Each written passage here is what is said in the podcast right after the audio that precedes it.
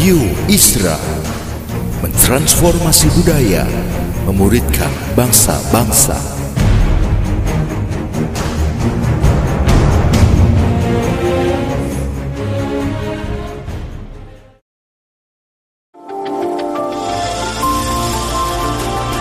Voice of Pradaim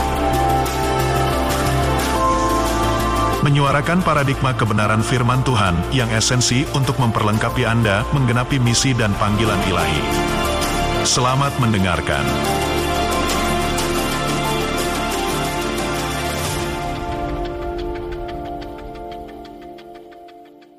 Mari kita sama-sama buka Alkitab kita. Kita akan belajar dari kitab Injil Matius, fatsalnya yang ke-21 baca ayat yang ke-18 dan ayatnya yang ke-19. Kita akan baca Matius 21 ayat yang ke-18 dan ayatnya yang ke-19. Pada pagi-pagi hari dalam perjalanannya kembali ke kota, Yesus merasa lapar. Dekat jalan ia melihat pohon ara lalu pergi ke situ. Tetapi Tuhan Yesus tidak mendapat apa-apa pada pohon ara itu selain daun-daun saja Katanya kepada pohon ara itu, engkau tidak akan berbuah lagi selama-lamanya. Dan seketika itu juga keringlah pohon ara itu. Mungkin ayat ini Bapak Ibu sudah kenal. Iya, saya coba ulang. Hari itu dia berjalan dari kota Betania mau ke kota Yerusalem. Dan rupanya pagi hari itu Yesus belum sempat sarapan dengan murid-muridnya. Iya, dalam perjalanan dari Betania ke Yerusalem, dia melihat ada sebuah pohon ara yang udah lebat daunnya. Dia cari buah pada pohon ara yang sudah lebat daunnya itu. Tapi nggak dapat, nggak ada buahnya. Wah Yesus murka, Yesus marah. Detik itu juga pohon ara tersebut dikutuk dan keringlah seketika. Saudara kalau baca ayat ini hati-hati mengambil kesimpulan. Karena pertama kali saya baca ayat ini saya pikir, waduh Yesus kita galak juga ya saudara ya. Rada kejam saudara kok galak. Dia pagi itu belum sarapan, belum makan pagi. Tahu-tahu lihat pohon ara yang sudah daunnya lebat, dia cari buah kok nggak ada, dia tengking. Dia bestraf, dia dia kutuk itu pohon ara sampai langsung jadi kering. Wah, gara-gara belum makan ini dia marah saudara kok. No, no, no, no, no. Bukan itu alasannya. Saudara kalau punya kalau kita mengambil alasan seperti itu, kita makin kaget ketika baca ayat yang kedua dari peristiwa yang sama di Markus 11. Jadi apa yang dicatat Matius 21 diulang oleh Markus 11, ada satu tambahan informasi yang lebih luar biasa. Yuk kita lihat sebentar. Markus 11 ayat 12 sampai ayat yang ke-14 cerita yang sama, tapi ada tambahan info yang berbeda yang Markus sampaikan. Begini bunyinya. Markus 11 ayat 12 mulai.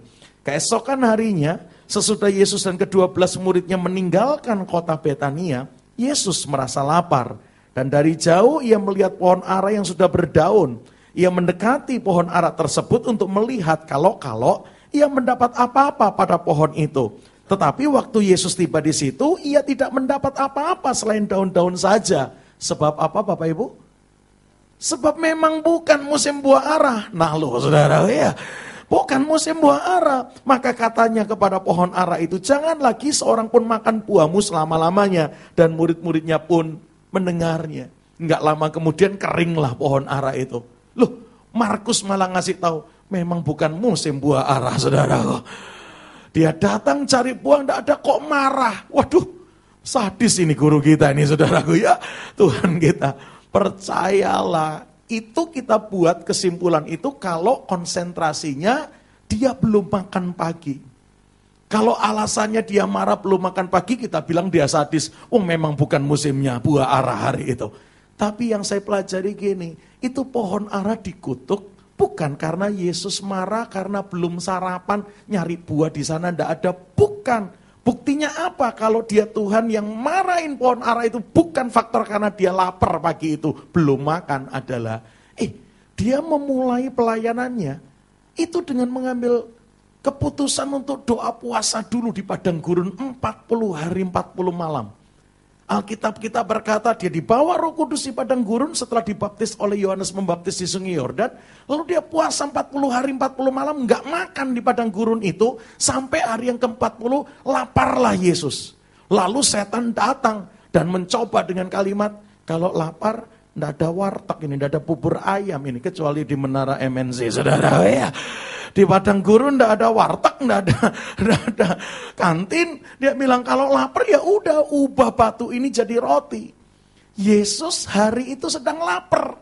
Sudah 40 hari ndak nyentuh makanan, laparlah dia. Disuruh ngerubah batu jadi roti, dia pun bisa melakukannya. Tapi lihat Yesus kita. Walaupun lapar, butuh makanan, butuh roti, tapi dia tidak serta-merta mendapat roti pakai caranya setan dia setuju. No, dia tidak mau. Dia bilang, aku bisa rubah batu ini jadi roti. Malah jangan-jangan kalau saudara yang jadi Yesus, saudara dan saya yang jadi Yesus, kita nantang balik tuh setannya. Lu mau minta batu ini jadi roti apa tan? Saudara ya mau jadi bakpao itu ya. apa tiramisu atau black forest, lu minta jadi batu, batu ini jadi roti apa? Wong dia bisa lakukan, tapi dia nggak mau. Dia lebih baik nggak dapat makan sampai hari ke-41, bahkan sampai mati daripada dapat roti pakai caranya setan. Itu prinsip loh yang Yesus ajarkan lewat peristiwa itu. Aku lapar, aku butuh roti, tapi aku nggak mau dapat roti pakai caranya setan. Aku mau dapat roti pakai caranya Tuhan, bahkan di waktunya Tuhan. Karena Yesus tahu roti dari Bapak di surga, roti yang mengenyangkan. Hati-hati kalau roti dari setan, roti yang menggemukkan. Beda itu saudara. Ya. Saudara baca baik-baik di Alkitab, berkatnya surga itu mengenyangkan, ada hubungan dengan satisfy, rasa puas. Kalau rotinya setan, menggemukkan, hubungannya setelah itu kolesterol naik, saudara. Ya. Saya baca di Alkitab, oh berkatnya Tuhan itu mengenyangkan, kalau yang bukan berkatnya Tuhan cuma menggemukkan, saudaraku. Beda esensi itu saudara. Makanya Yesus nggak mau. Walaupun lapar loh 40 hari nggak makan loh. Aduh. Saya pernah retret doa puasa dengan gereja di mana saya pelayanan di Surabaya beberapa belas tahun yang lalu. Kita retret dari Surabaya ke Nongko Jajar, yang orang Jawa Timur pasti tahu ini saudaraku. Sebelum masuk kota Lawang, ada namanya daerah Nongko Jajar. Kita retret di situ, tiga hari dua malam nggak makan. Kita doa, kita puasa, kita sharing firman. Sampai hari ketiga sebelum balik ke kota Surabaya, kita dibuka buka puasa bersama dengan bubur ayam. Wah, saya kurang suka bubur. Tapi karena tiga hari tidak makan, ya dimakan juga. Bahkan ngeri itu. Begitu bubur disodorkan, hitungan detik selesai secara karismatik, saudara ya. Sudah tidak pakai sendok, wah pada diangkat buburnya, saudara ya. Lah tiga hari tidak makan kalap saudaraku. Yesus 40 hari tidak makan mestinya kalap. Ternyata enggak. Bukan faktor lapar yang membuat dia jadi marah sama kebun uh, pohon ara itu. Kemarin memulai pelayanan, 40 hari tidak makan, lapar, tetap bisa menguasai dirinya. Tidak mata buta dan pakai caranya setan untuk dapat rotinya. No. Wah, makanya saya yakin pohon ara ini dikutuk Isunya bukan pagi itu dia belum sarapan lalu marah. Kok tidak ada buahnya terkutuk kau? Bukan itu isunya. Dia kutuk itu pohon ara dengan isu. Karena memang buahlah yang dia tuntut dari pohon ara. Bukan daun. Amin saudara. Jangan pernah sodorin Yesus kita daun yang lebat. Karena bukan itu yang dia tunggu dari hidup saudara dan saya yang adalah pohon aranya. Yang Tuhan rindukan nongol dalam hidup kita adalah buah ara, bukan daun, saudaraku. Wah, banyak orang Kristen cuma nyodorin Tuhan daun. Walaupun pohon ara yang berdaun sudah mulai ada fungsinya. Orang yang kepanasan ketemu pohon ara yang berdaun bisa berteduh itu saudara ya. Orang yang kena hujan apalagi baru gerimis di bawah pohon ara yang sudah lebat daunnya sudah tertolong itu Iya, dari hujan. Ya sudah lumayan. Tapi ternyata Yesus ngajar kita, nak, aku tunggu dan aku nantikan dari pohon arah hidupmu, bukan daun yang lebat, tapi buah yang lebat, nak. Jangan pernah sodorin aku cuman daun. Wah, ke gereja nggak pernah bolos. Sudah baik sih rajin ke gereja. Tapi kalau cuman rajin tok ke gereja, pulang nggak jadi pelaku firman, Itu cuma nyodorin Tuhan daun loh saudara ya. Kayak lagu rekan saya Bobby Febian yang mengatakan Kristen katanya itu. Pada hari Minggu kamu ke mana? Ke gereja. Gitu siapa yang saudara ya. Kalau hari Senin kamu ke mana? Persekutuan gitu saudaraku ya. Hari Selasa ke mana? Kebaktian saudaraku. Hari Rebo ke mana? Pelayanan. Wah tiap hari kamu ke gereja. Tiap hari kamu persekutuan. Tapi nah beli albumnya saudaraku ya. Supaya tahu isi lagunya. Ya Tuhan itu Kristen yang daun tapi nggak ada buahnya. Cuma nyodorin daun. Lumayan sih daripada bolosan ke gereja. Lumayan yang sudah rajin ke gereja. Tapi Tuhan gak cukup puas loh lihat Bapak, Ibu, Saudara dan saya cuma rajin ke gereja. Pastikan keluar dari gereja tetap jadi gereja, saudara ya. Dia lebih suka kita bukan going to church, tapi being church. Jadilah gereja daripada sekedar datang ke gereja, saudaraku. Oh iya, kalau Bapak Ibu suka baca Alkitab, ngafalin banyak ayat, puji Tuhan, Tuhan senang. Tapi dia belum cukup puas. Sampai Anda dan saya melanjutkan dari pendengar akhirnya jadi pelaku firman. Duh, kalau ndak ahli Taurat lu ngafal banyak ayat tapi ndak pernah melakukan saudaraku ya. Tuhan cuma disodorin daun. Dia nggak mau, dia ndak puas kita cuma ngasih dia daun. Yang dia tunggu dari Anda dan saya bukan berdaun lebat, tapi berbuah lebat. Wow, colek kiri kananmu. Jangan cuma daun bro, saudara ya. Kasih buah bro.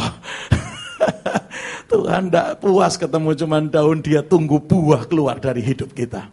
Mari kita lihat buah arah apa yang rindu dia lihat dalam hidup saudara dan saya. Lukas 19.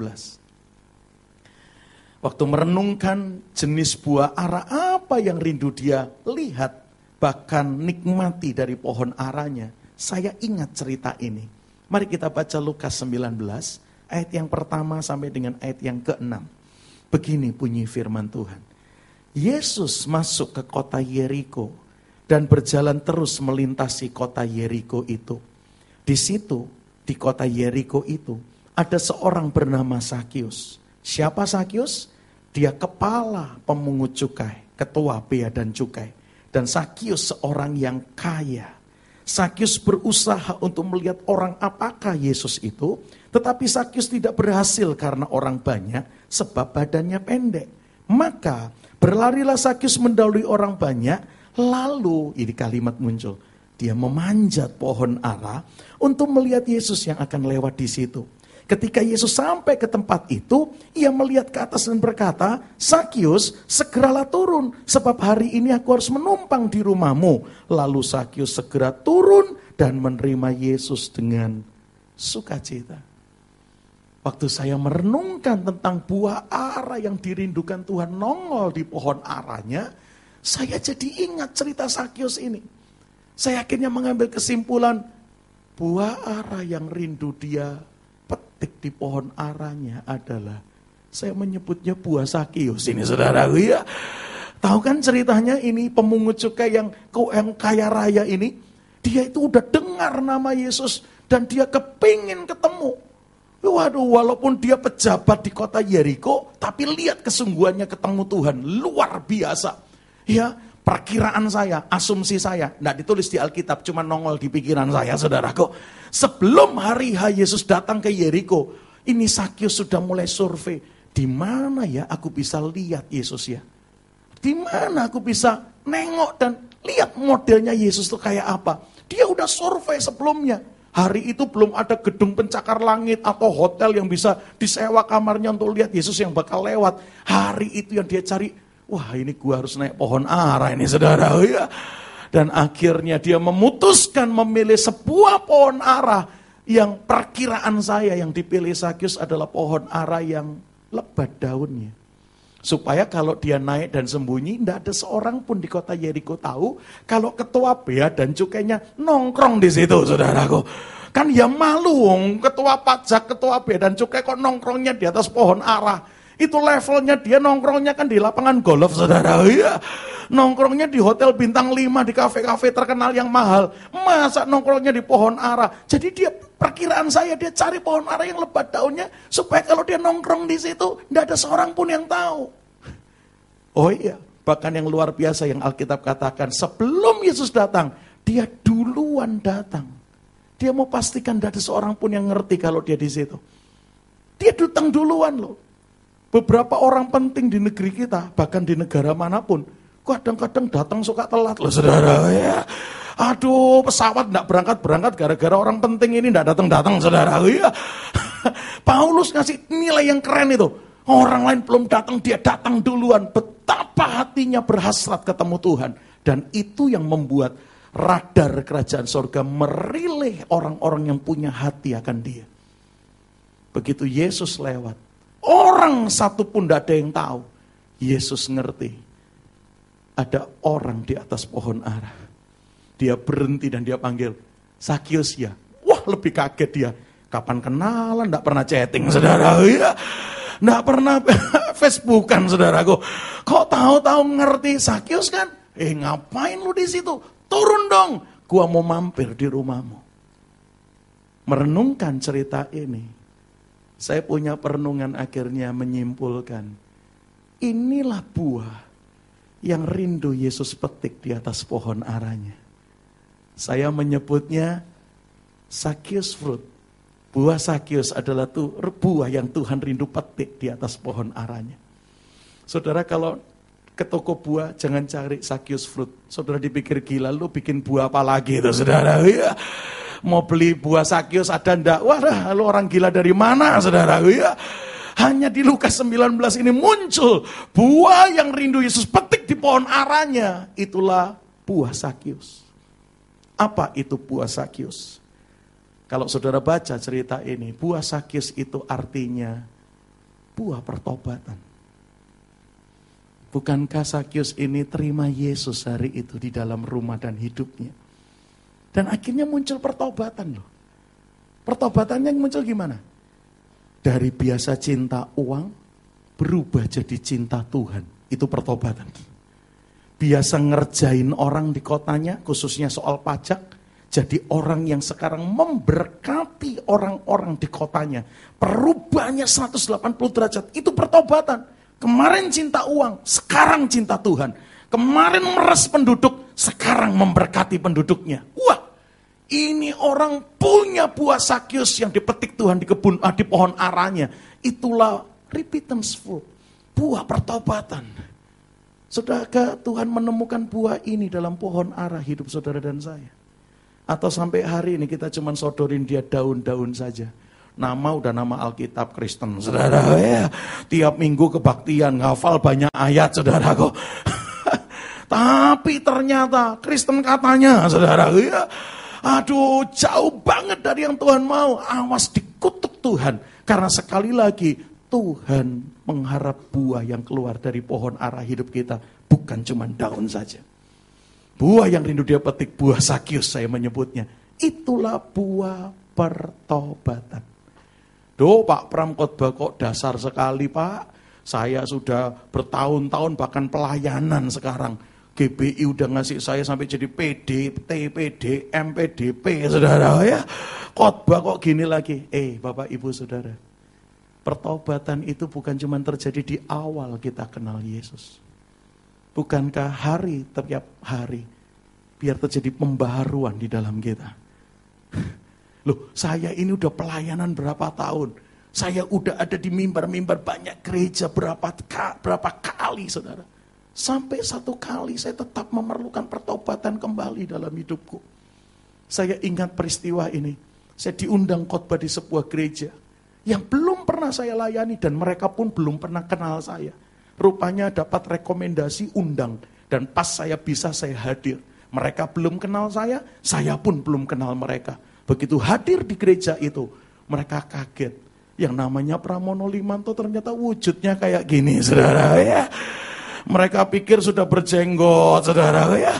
Sudah senior, ternyata yang datang hari itu masih imut-imut. Sekarang udah mulai rada amit-amit ini, saudara ya. Masih muda belia hari itu. Makanya waktu mereka lihat saya kaget. Ini yang namanya Pak Pram. Ya Tuhan, saya pikir udah tua katanya gitu. Oh belum pak, saya baru lahir 1971. Wah cocok jadi anak saya. Yang satu bilang cocok jadi cucu saya. Ya om, ya opa, saya katakan saudara ya. Setelah nanya umur, yang kedua nanya sekolah Alkitab di mana Pak Pram? Itu pertanyaan yang hampir lazim saya ditanya. Setelah umur, Anda ini sekolah Alkitab di mana? Kok saya dengar pelayanannya di mana-mana?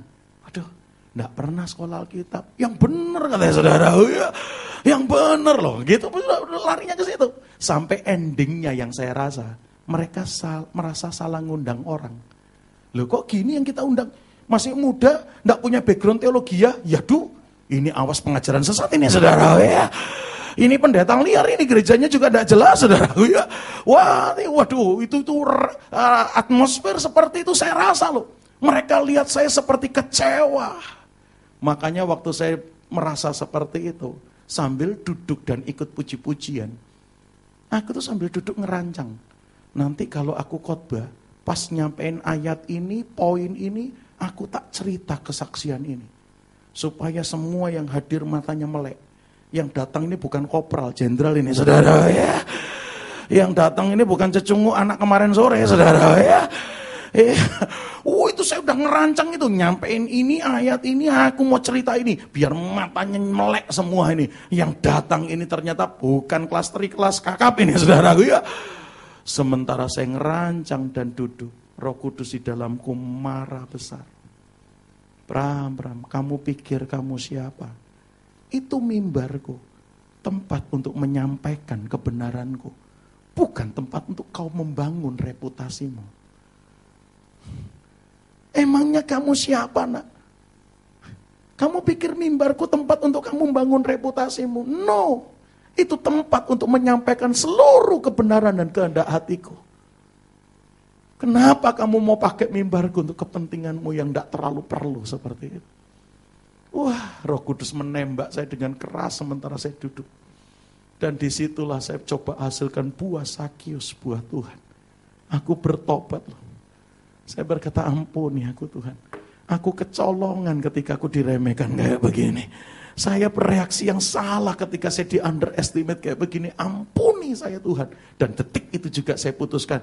Tidak jadi saksi yang ini, enggak jadi sharing yang ini saya mau sharing cuman firmanmu saja, tidak lebih, tidak kurang. Enggak ada tambahan yang lain, cuman firmanmu. Dan ketika saya sampaikan cuman firman Allah, tidak ada tambahan yang lain yang saya rencanakan tadi. Saya eliminir, saya delete semua. Apa yang terjadi? Saya turun dari mimbar. Saya merasa gereja itu berkata, bener koper dia. Gitu dok banyak saudara ya. Gitu aja sharingnya, waduh. Dan terbukti kok itu perkenalan saya yang pertama dan yang terakhir di gereja itu. Belum pernah diundang lagi di sana sampai hari ini, saudaraku ya. Saya pulang, mereka berkata memang tidak ada bobotnya tuh orang. Cuman gitu-gitu aja khotbahnya. Tapi saya kok yakin di roh saya, saya pulang. Sorga yang standing applause buat saya. Sorga berang keren kamu nak. Kau nggak jadi pakai mimbarku untuk membangun reputasimu. Kau pakai mimbarku cuma menyampaikan isi hatiku. Mereka pulang, saya pulang mereka responnya. Oh, terbukti belum pernah dihubungin lagi sampai hari ini saudara. Ya. Tapi yang saya yakin sorga malah yang standing applause. Keren loh nak. Buat saya itu lebih penting dari cuma nyodorin daun. Kita kasih buah-buah Tuhan colek kiri kananmu. Udah keluar belum buah yang satu ini, saudara ya. Buah pertobatan loh. Matius 3, 10 sampai nulis gini. Kapak sudah tersedia di setiap pohon. Pohon yang tidak menghasilkan buah yang baik disuruh negor sama Tuhan. Saudaraku ya. Tebang saja. Hasilkan buah yang sesuai dengan pertobatan. Eh, hey, come on. Jangan cuma kasih Tuhan daun. Lumayan ada daunnya. Tapi Tuhan tidak pernah puas kalau kita cuma nyodorin dia daun. Tahun ini Beri dia buah arah di pohon arah hidup kita. Buah sakius, buah pertobatan. Amin, amin. Yang kedua, bicara soal buah sakius adalah bicara soal karya kehidupan. Loh, kalau saudara baca ceritanya Sakius itu keren loh. Walaupun jujur gereja tidak berani ngundang Sakius. Lah kesaksiannya gini, dulu saya belum kenal Yesus, saudara saya orang kaya di kota Yeriko. Setelah saya terima Yesus dan bertobat, uh, mendadak miskin ini saudara ya. Lo kok miskin? Kalimatnya Sakyus gini ke gurunya, Yesus, guru, separuh harta yang saya punya. Saya bagi buat orang miskin di kotaku. Saya yakin detik itu orang miskin habis di kota Yeriko, semua naik level saudara ya. separuh harta yang Sakyus punya, ini kepala biaya dan cukai loh. Kadang-kadang kita tahu bukan kepalanya pajak, sudah duitnya tidak berseri, apalagi yang ketuanya saudara. Ya, berapa kali seperti itu nalarnya saudaraku ya. Lalu ini yang cuman golongan sekian duitnya kayaknya tidak ada serinya. Wong dibui pun bisa keluar negeri oh saudaraku ya. Walah, aduh ini orang separuh hartanya dibagi sama orang miskin. Lalu Pak Sakyus bilang gini guru, orang yang kemarin gua pernah kerjain soal pajak, tak kembalikan empat kali lipat. Tak kembalikan 400% dari yang kemarin saya kerjain Gereja berani undang Pak Sakyus saksi. Kesaksiannya, sebelum kenal Tuhan, saya orang paling kaya. Setelah kenal Yesus, habis semua saudara. Ya. Oh, tapi Sakyus ini keren banget. Dia bilang, aku percaya bersama Yesus aku akan bangun yang baru. Bahkan bakal lebih dahsyat dari yang kemarin pernah gua capai. Wow, itu orang punya karya itu.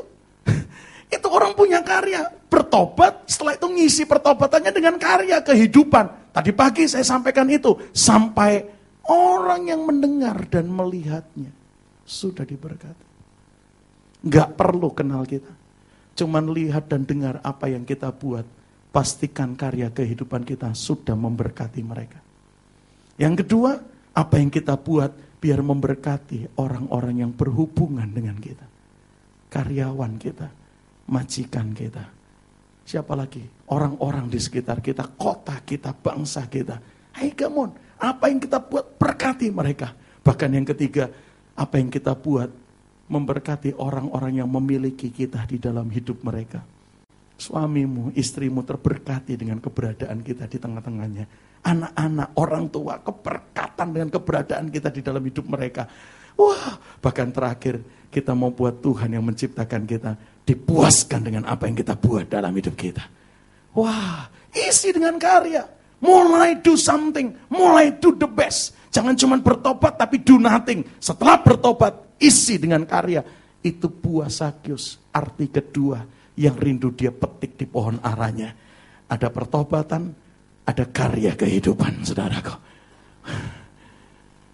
Yang tadi pagi nggak dengar, ada cerita yang keren yang saya baca belum lama ini bapak mau mati, kumpulkan ketiga anaknya. Dan akhirnya dia bilang, sorry ya, papa ndak punya banyak warisan buat kalian.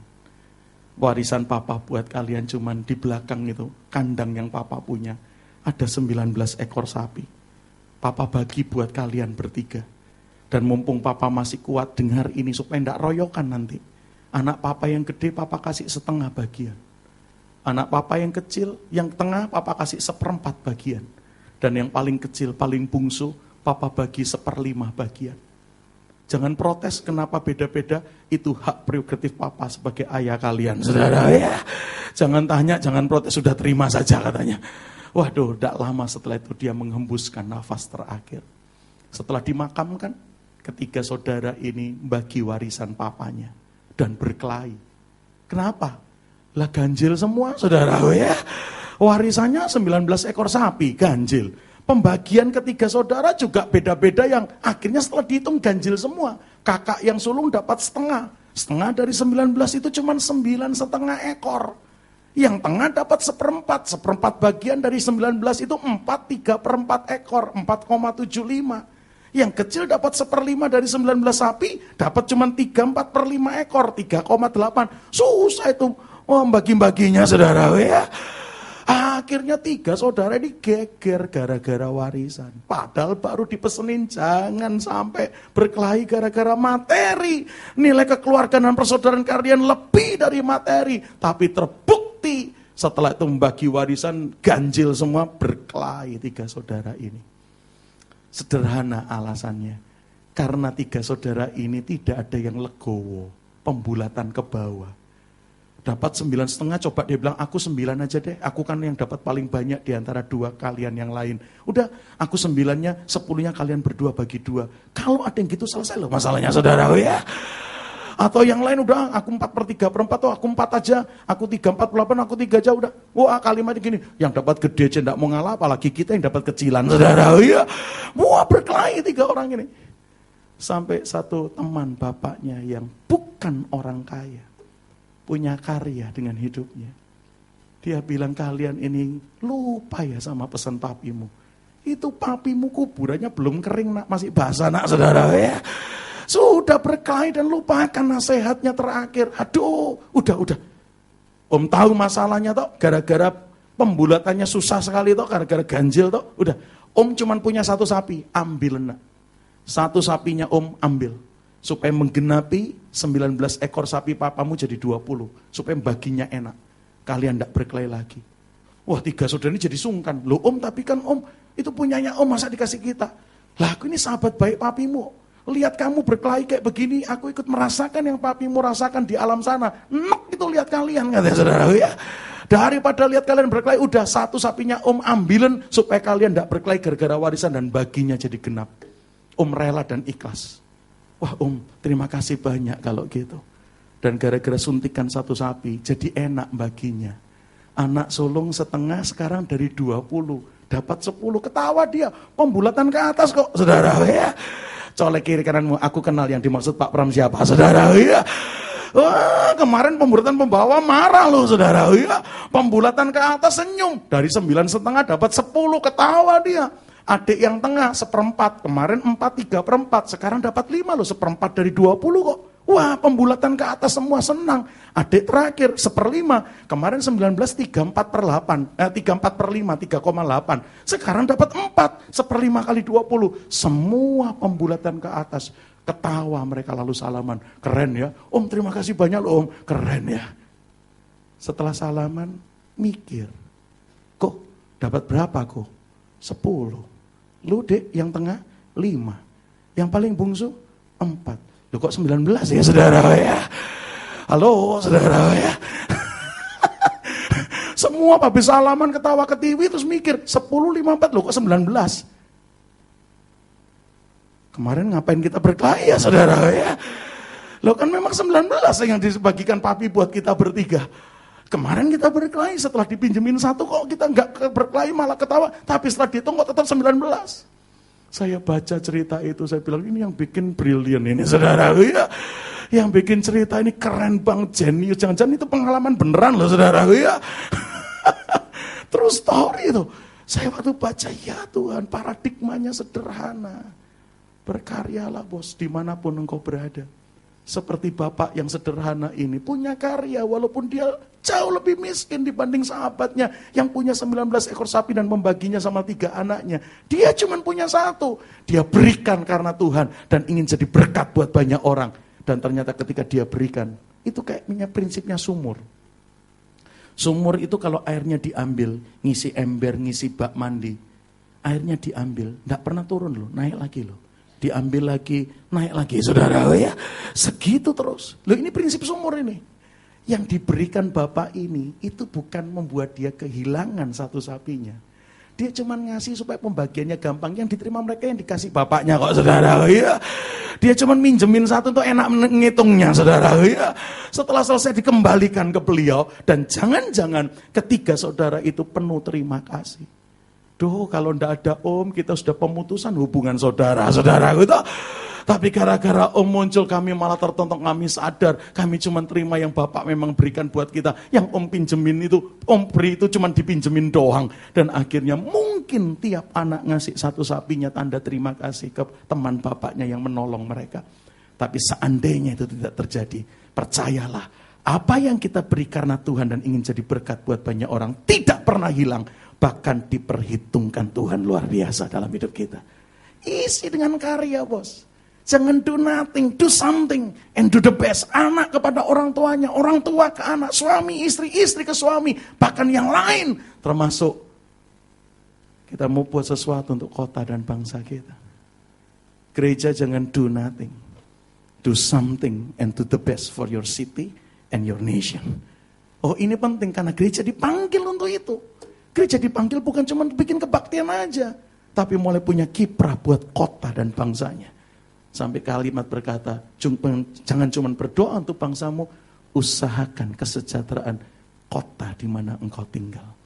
Wow, do something and do the best. Sampai orang yang lihat dengar, orang yang berhubungan, orang yang memiliki kita, bahkan Tuhan yang menciptakan kita, dipuaskan dengan yang kita buat. Amin. Yang ketiga, buah sakyus itu menurut saya artinya menangin jiwa baru. Sakyus itu petobat awal petobat baru di dalam Tuhan. Sebelumnya belum pernah kenal Yesus. Ini harus menjadi buah yang kita sodorkan buat Tuhan. Ada pertobatan, ada karya kehidupan, dan semoga lewat dua hal yang kita buat ditambah kasih karunia dan pekerjaan roh kudus dalam hidup kita. Jiwa-jiwa baru, sakyus-sakyus baru, kita bawa dan persembahkan buah Tuhan. Jujur saudara, isinya gereja tiga hal. Yang pertama, gereja itu jemaatnya muncul gara-gara yang sudah berjemaat di gereja itu akhirnya menikah dan beberapa waktu kemudian punya anak. Gereja nambah jemaatnya. Gara-gara jemaat menikah dan punya anak. Minimum gereja anak sekolah minggunya nambah dulu. Kebaktian remaja pemudanya nambah, berikutnya umum nambah. Beberapa gereja yang dibuka dulu isinya mahasiswa, sekarang berlipat kali, wah kawin dan punya anak banyak saudara. Ya. Ini yang disebut dengan pertambahan jemaat alamiah. Menikah, punya anak, wah nambah jemaatnya. Itu nggak bisa dihindari, biasanya selalu terjadi. Betul ya? Di komunitas saya juga di Serpong juga ngalami itu. Saya datang 2001, hari ini 15 tahun di sana, beberapa anak rohaniku menikah. Saya berkati, ada yang punya anak dua, ada yang punya anak tiga, ada yang satu. Wah, gereja anakku sudah nambah jumlahnya, saudara ya. Beberapa waktu lagi pemuda remaja dan umum akan nambah, saudaraku. Loh iya, itu tidak bisa dihindari. Yang kedua, komunitas gereja kita nambah orangnya gara-gara ada yang pindah dan ketemu dengan kita lalu bersama kita kok cocok. Muncullah dia di komunitas gereja kita. Ini juga susah dihindari. Hampir semua tempat ngalami ini. Selalu ada orang yang tetap pindah di dekat-dekat kita, ketemu kita, hmm, datang bersama-sama, eh kok cocok. Lalu memutuskan, udah saya di sini aja. Itu juga tidak bisa dihindari loh, selalu terjadi juga. Tapi yang saya mau sampaikan siang hari ini adalah, kalau gereja kita isinya cuma dua ini, sadari loh, gereja kita belum terlalu sehat. Ulang-ulang. Kalau isi jemaat di komunitas gereja kita, karena ada jemaat yang kemarin menikah terus tahun depan punya anak. Jangan punya anak dulu baru menikah keliru ya saudara ya. Nikah dulu baru punya anak. Kalimatnya gitu saudaraku diberkati dulu baru beranak cucu lah saudaraku. Aduh, Eh, kalau yang kenal muncul, eh, atau join dengan kita. Itu dua itu tidak bisa dihindari. Hampir semua tempat selalu ketambahan dengan dua model ini. Tapi kita yang di dalam mesti cek. Kalau komunitas gereja isinya cuma dua tadi, sadari betul.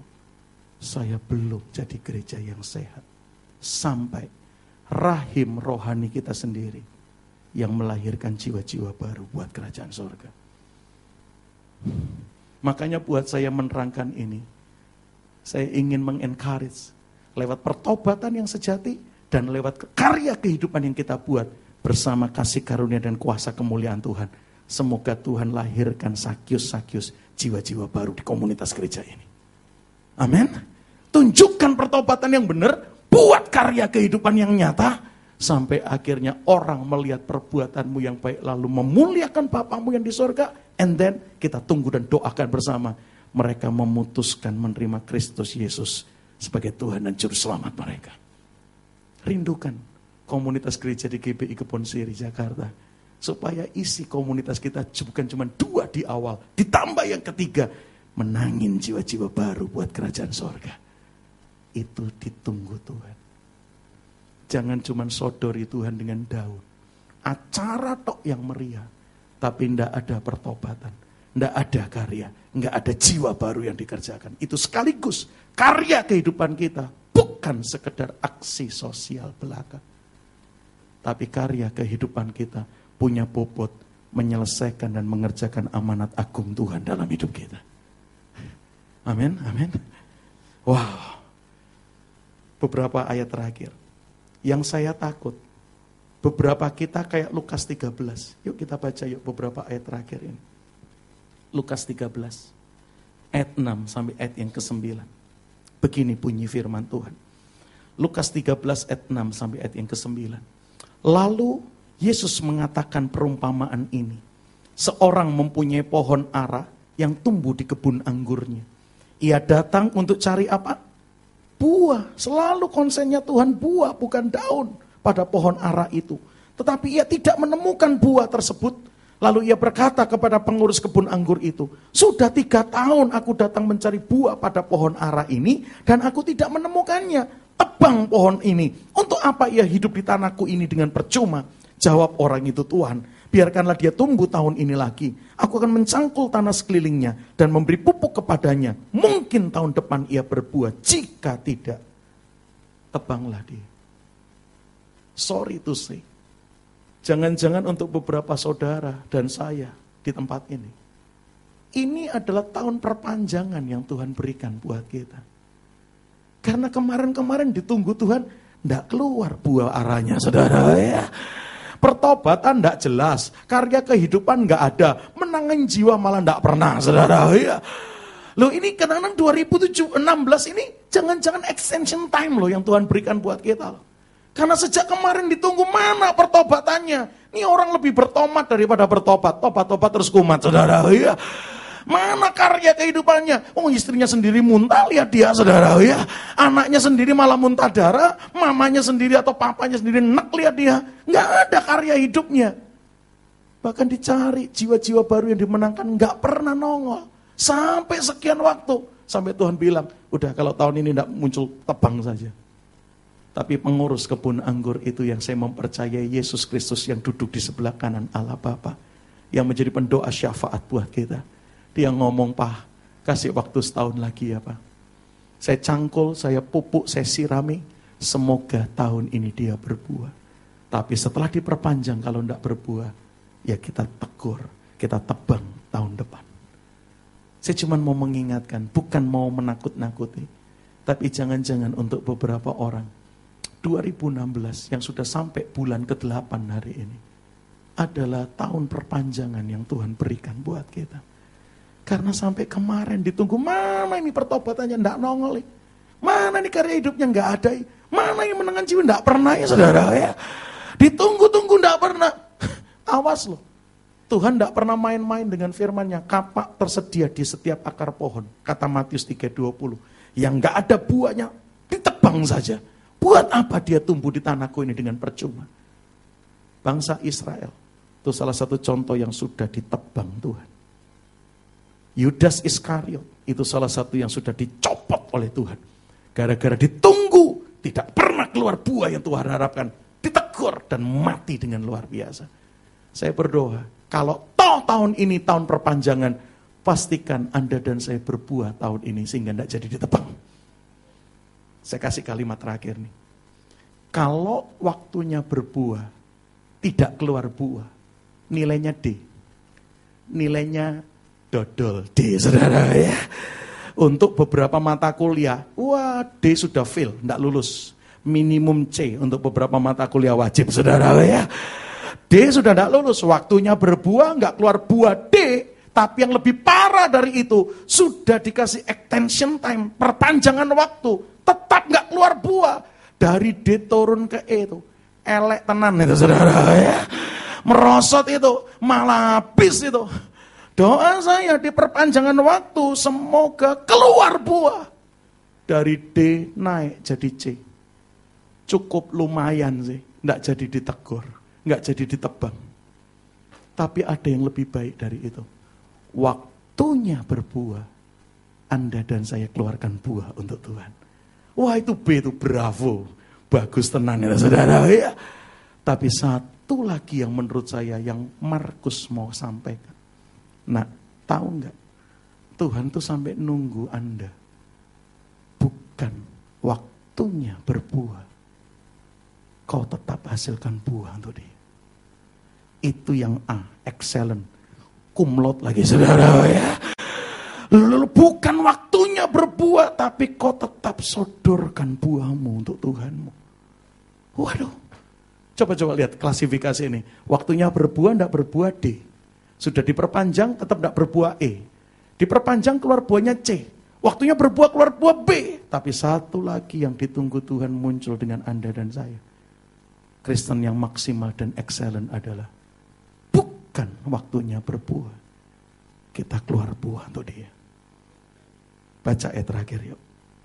Yohanes 5 ayat 3, Yohanes 4 ayat 35. Injil Yohanes 4 ayat 35. Bukankah kamu mengatakan empat bulan lagi tibalah musim menuai. Tetapi aku berkata kepadamu, lihat sekelilingmu, pandang ladang-ladang yang sudah menguning dan matang untuk dituai. Ini adalah ladang yang tampil excellent. Ladang yang lain hitungannya bilang four months later. Empat bulan lagi baru menuai. Tapi ada satu ladang yang tampil excellent di hadapan Tuhan. Kalau yang lain empat bulan lagi baru harvest time. Kalau Tuhan butuh menuai sekarang, kami sudah siap menuai empat bulan lebih awal. Waduh, saya waktu baca ini, hai, Tuhan rindu loh. Bukan musimnya buah arah. Tapi dia tetap tuntut Anda dan saya keluarkan buah arah itu buat dia.